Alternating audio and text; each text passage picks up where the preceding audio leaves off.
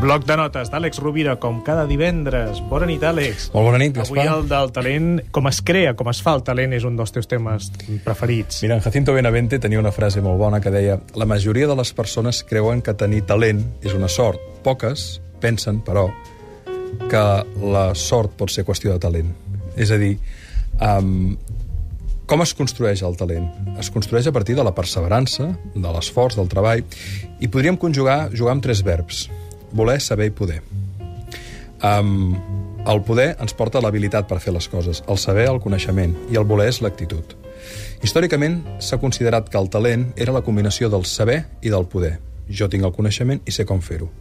Però, paradoxalment, en situacions de, de crisi, és més important el saber perdó, el voler que el saber i el poder, és a dir, l'actitud. Per tant, jo diria que el talent es construeix a partir de, dimensió, de tres dimensions. Una dimensió d'habilitat, una dimensió de coneixement i una dimensió de l'actitud davant de fer les coses.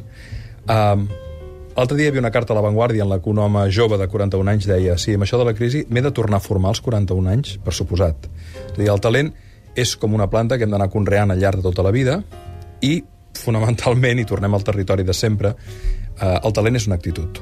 És a dir, mm, Malcolm Gladwell ho ha demostrat amb la teoria de les 10.000 hores, com molts altres ho van demostrar abans, els, els genis, les persones amb grans capacitats, sens dubte tenen un talent natural, però aquest talent natural, si no es treballa, si no es persevera, si no ens formem, si no ens esforcem, de res no ens serveix.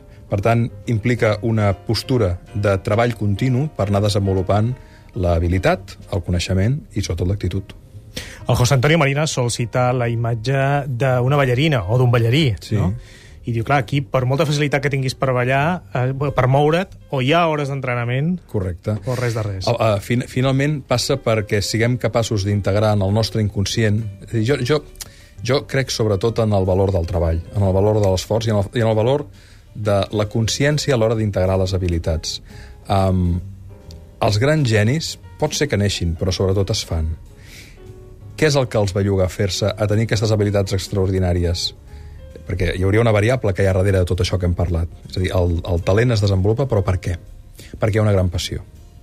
Perquè hi ha una vocació i sobretot hi ha una gran passió. Sense una gran passió no pot haver-hi un gran talent. El talent neix quan hi ha quelcom que se'ns emporta, que, que ens apassiona. Per tant, seria també bo que ens qüestionéssim estem fent quelcom que ens apassiona la nostra vida?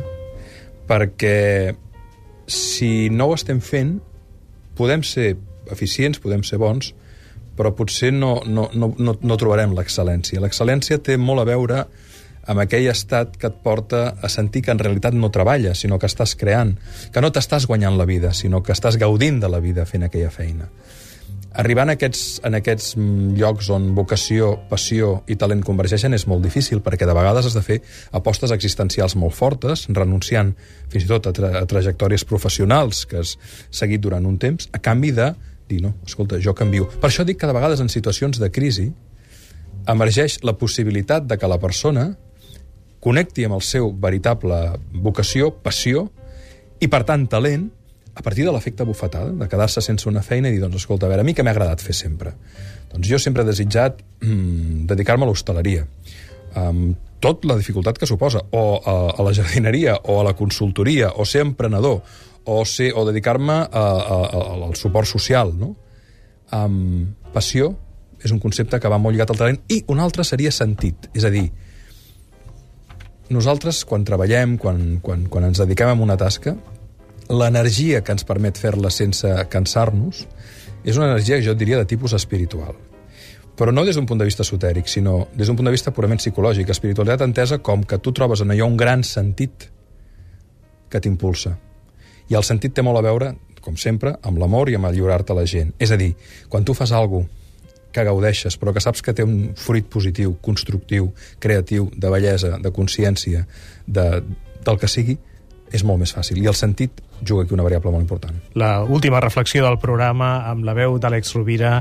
Àlex, moltes gràcies. Moltes gràcies. Bona nit i bona vida. Bona vida. Una abraçada.